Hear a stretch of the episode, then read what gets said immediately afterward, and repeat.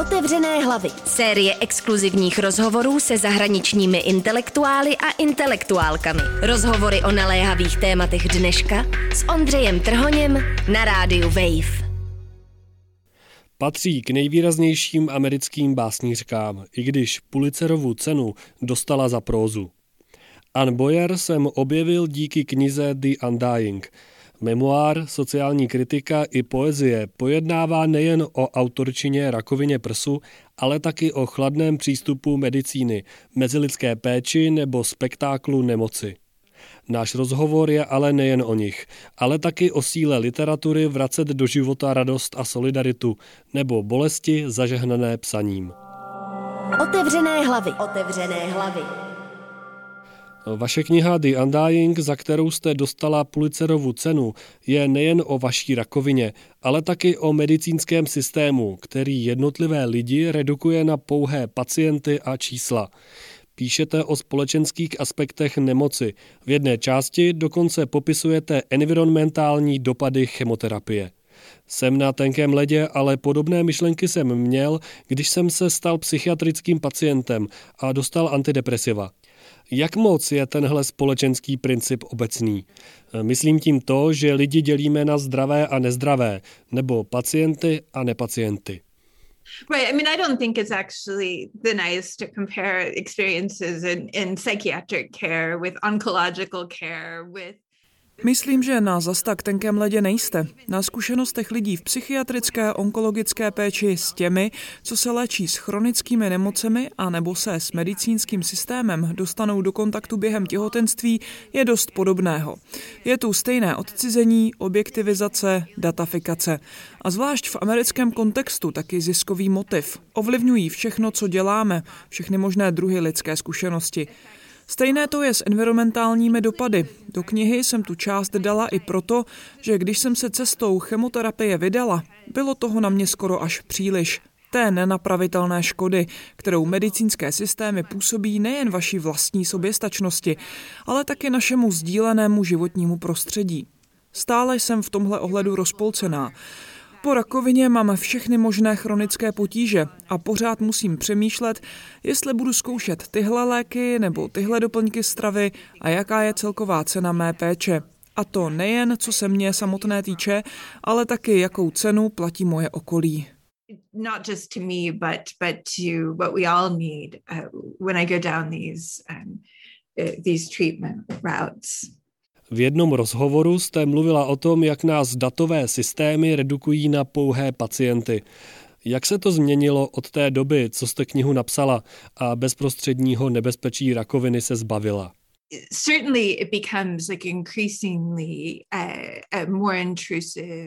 Rozhodně je to čím dál intenzivnější a dotěrnější. A netýká se to jenom pacientů, ale taky zdravotnického personálu. Přemýšlím nad rozhovory, které jsem vedla se sestrami a bratry během mé léčby. A v roce 2015 jsem měla přednášku na konferenci sesterských odborů. Především si stěžovali na to, že sami musí datům podléhat. Sestrám byli v patách podnikoví psychologové, kteří sledovali jejich kroky, pozorovali, jak připravují postel za postelí, stroj za strojem. Stejně jako já, i sestry a bratři pozorovali probíhající pokusy lékařskou péči automatizovat, omezování lidského prvku, snahy jejich práci udělat co nejvíc předvídatelnou a strojovou, nebo je nakonec úplně nahradit. To je znepokojující. Zdravotníci jsou přece víc než jejich mzda. Celé své životy odevzdali tomu, že poskytují péči, navazují velmi emocionální vztahy s jinými lidskými bytostmi v hrozivých obdobích života. A přitom všem sledují, jak je systém táhne víc ke strojům než k lidem.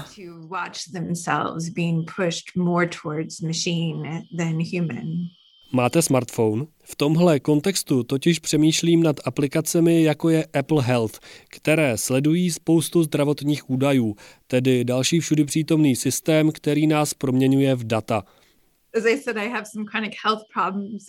Nejde jen o ně. Jak jsem říkala, mám chronické zdravotní potíže a pořídila jsem si kvůli nim fitness náramek.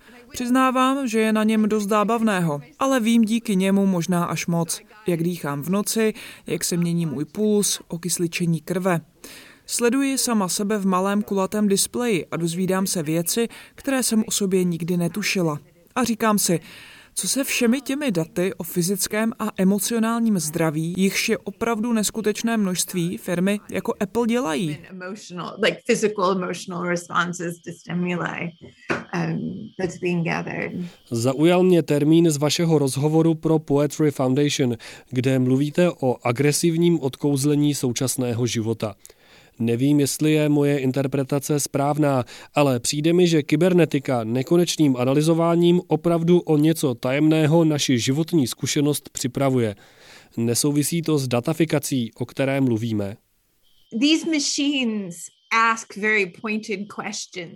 Tyto stroje se ptají na velmi konkrétní věci. Můj náramek pokládá mému tělu a mně velmi konkrétní požadavky, na které dostane jen určité odpovědi.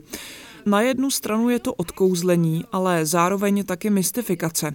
Snažím se teď vyřešit určité zdravotní potíže, ale skutečné řešení je očividné. Tolik nepracovat. To vám ale stroje neřeknou. Mohou se tak buď to postavit existenčním podmínkám tváří v tvář, anebo se mnohem pohodlněji dívat na chytré hodinky, které za příčinu mých potíží označí problém v určité spánkové fázi anebo v tepu mého srdce. Když se snažíme mezi zdravotními údaji vystupovat ten, který údajně za všechno může, navádí mě technologie k tomu, abych se na určité otázky mé každodenní existence vůbec neptala. Možná nás svým způsobem datafikace ve skutečnosti mate. Přestáváme si některé věci uvědomovat, protože naše přístroje mají některé otázky a typy odpovědí předem připravené. Nechápejte mě ale špatně, nejsem proti technologii. Jen se mi nelíbí její podoby, které produkuje kapitalistická společnost. Z toho pak vyplývají opravdové účely takových technologií. Věřím ale v naši schopnost jako lidského druhu vytvářet technologie, které náš kolektivní život zlepšují a nejsou tak příliš spojeny s touhou vydělávat co nejvíc.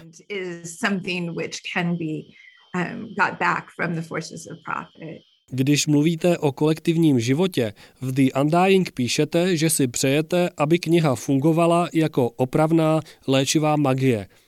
Jakou roli mají knihy jako ta vaše ve vytváření komunit a solidarity, zvlášť v době influencerů a TikTok hvězd?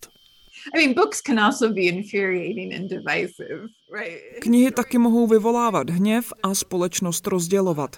Během dějin najdete spoustu knih, které ostatní dost štvaly.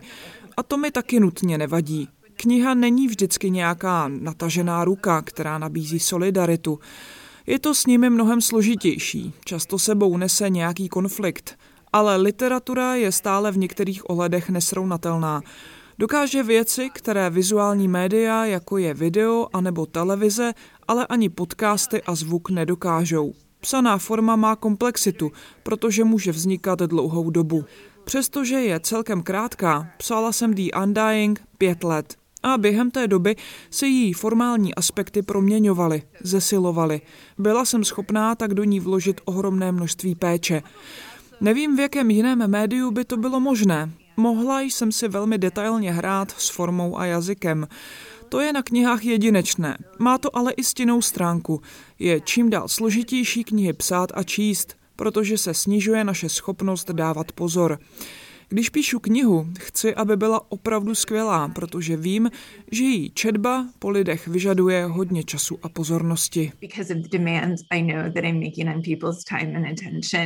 Zdá se mi, že literární forma, která je v případě The Undying velmi roztříštěná, může sama o sobě odhalit zajímavé věci, například s ohledem na váš vlastní prožitek z onemocnění a léčby.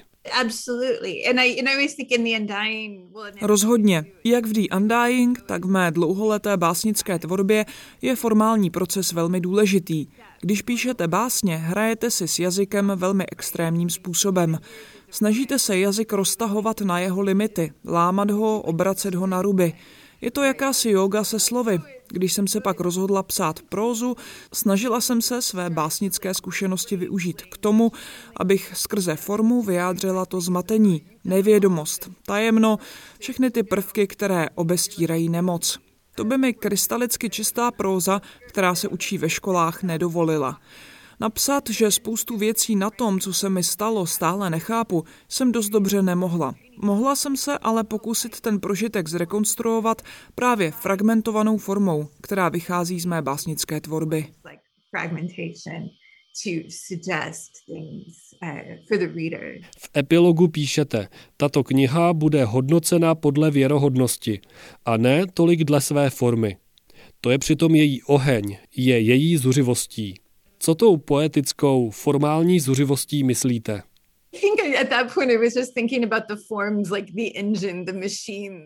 Když jsem to psala, představovala jsem si formu jako zážehový motor, stroj, něco, co dává pohyb. Díky zaujetí formou jsem vůbec byla schopná knihu navzdory všité bolesti dokončit. Musela jsem totiž objevit aspoň nějaké potěšení, které by bolest vyrovnalo. Stalo se jí řemeslo, které mi umožnilo si k psaní znova a znova sedat. A co se týče té citace, nevím, jestli jsem se trefila. Když lidé o knize mluví, anebo se mě ptají při rozhovorech, netočí se to jen kolem sentimentálního příběhu někoho, kdo přežil rakovinu. Zajímají se i o formální aspekty. Asi jsem svoje čtenáře a čtenářky podcenila. Když se říká, že lidé nechtějí číst složité věci, jsou to lži. Očividně jim experimentální forma nevadí. A to je úžasné.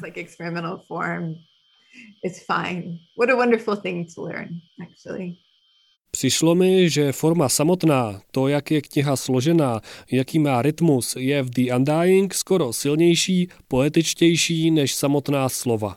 My experience with poetry is the creation of new forms. Podle mě je poezie hlavně o formální stránce.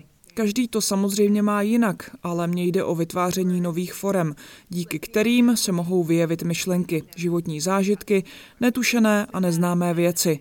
Co se týká slov samotných, když píšete nefikční dílo, které odpovídá vaší vlastní zkušenosti, tak musíte být přesní. Poetický jazyk se v tomhle ohledu liší. Mackenzie Work v knize Reverse Cowgirl píše o svém queer životě, ale taky hodně o procesu psaní samotného. Říká například, že příběh je jen podvod vlastní paměti.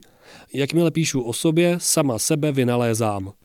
Jakoby psát o sobě znamenalo víceméně nahodilou posloupnost životních událostí nutně uspořádat do soudržného příběhu a tím svoje vlastní zážitky v jistém smyslu doslova přepisovat. Řešila jste to při psaní The Undying také? Já jsem to vyřešila skrze omezení. V The Undying jsem v několika polohách, jako pacientka, jako snířka, esejistka, jako osoba s vnitřním životem. Není to memoár v klasickém slova smyslu, je tam velmi málo dialogu. Po přečtení asi budete dost tušit, jak funguje moje hlava, ale nebudete mít moc biografických informací. Zrovna se snažím psát knihu, která je založená na mém dětství. Vychází z rané hudební scény 90. let. Tam některé z problémů, o nichž McKenzie píše, vidím. Bojím se vytváření mýtu. Tohle období pro mě už má takový ten lesk mládí, života na hranici bytí s internetem. Osobně si s ním spojuju taky určitou fyzičnost. Má to až skoro svůdný romantický nádech. Dostala jsem se ale do bodu, kdy jsem si dovolila jít romantismu naproti. Ve skutečnosti je to totiž jen jiný způsob, jak sami sebe poznáváme. Kdybyste psal drsný, realistický příběh, nebyl by to přece o nic menší mýtus. Rozhodla jsem se to vyřešit tak, že všichni v mé knize jsou krásní. Ostatně já obecně beru své já jako dost vratkou a tvárnou věc. Jedním z léků na ono agresivní odkouzlení je bez pochyby literatura. Přemýšlím ale, jestli se na jeho tvorbě taky nepodílí. Třeba knihy Michela Uelbecka by tak určitě interpretovat šlo.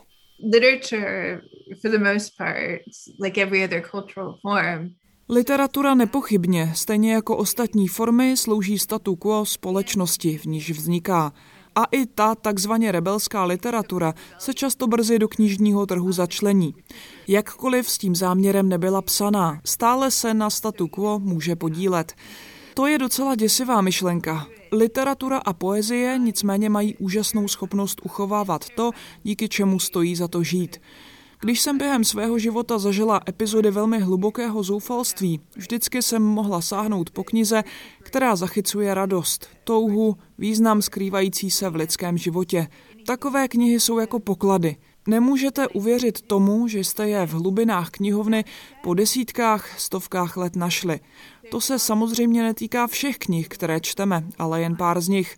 A i když se mi nemusí povést napsat takovou knihu, která někomu zachrání život, stále mě to žene k tomuto zkoušet. Je to právě proto, že literatura a poezie dokážou zachytit možnost okouzlujícího, smysluplného, neodcizeného života. Možnost lásky. Preserve the possibility that we could live in a way that isn't completely alienated, right? Preserve the possibility of love.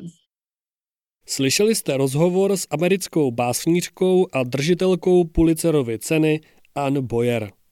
A díky moc, že jste s otevřenými hlavami vydrželi až do konce páté série. Ondřej Trhoň, Radio Wave. Otevřené hlavy. Série exkluzivních rozhovorů se zahraničními intelektuály a intelektuálkami. Otevřené hlavy. Rozhovory o naléhavých tématech dneška. Další díly najdete na webu wave.cz lomeno otevřené hlavy, v mobilní aplikaci Můj rozhlas a v dalších podcastových aplikacích.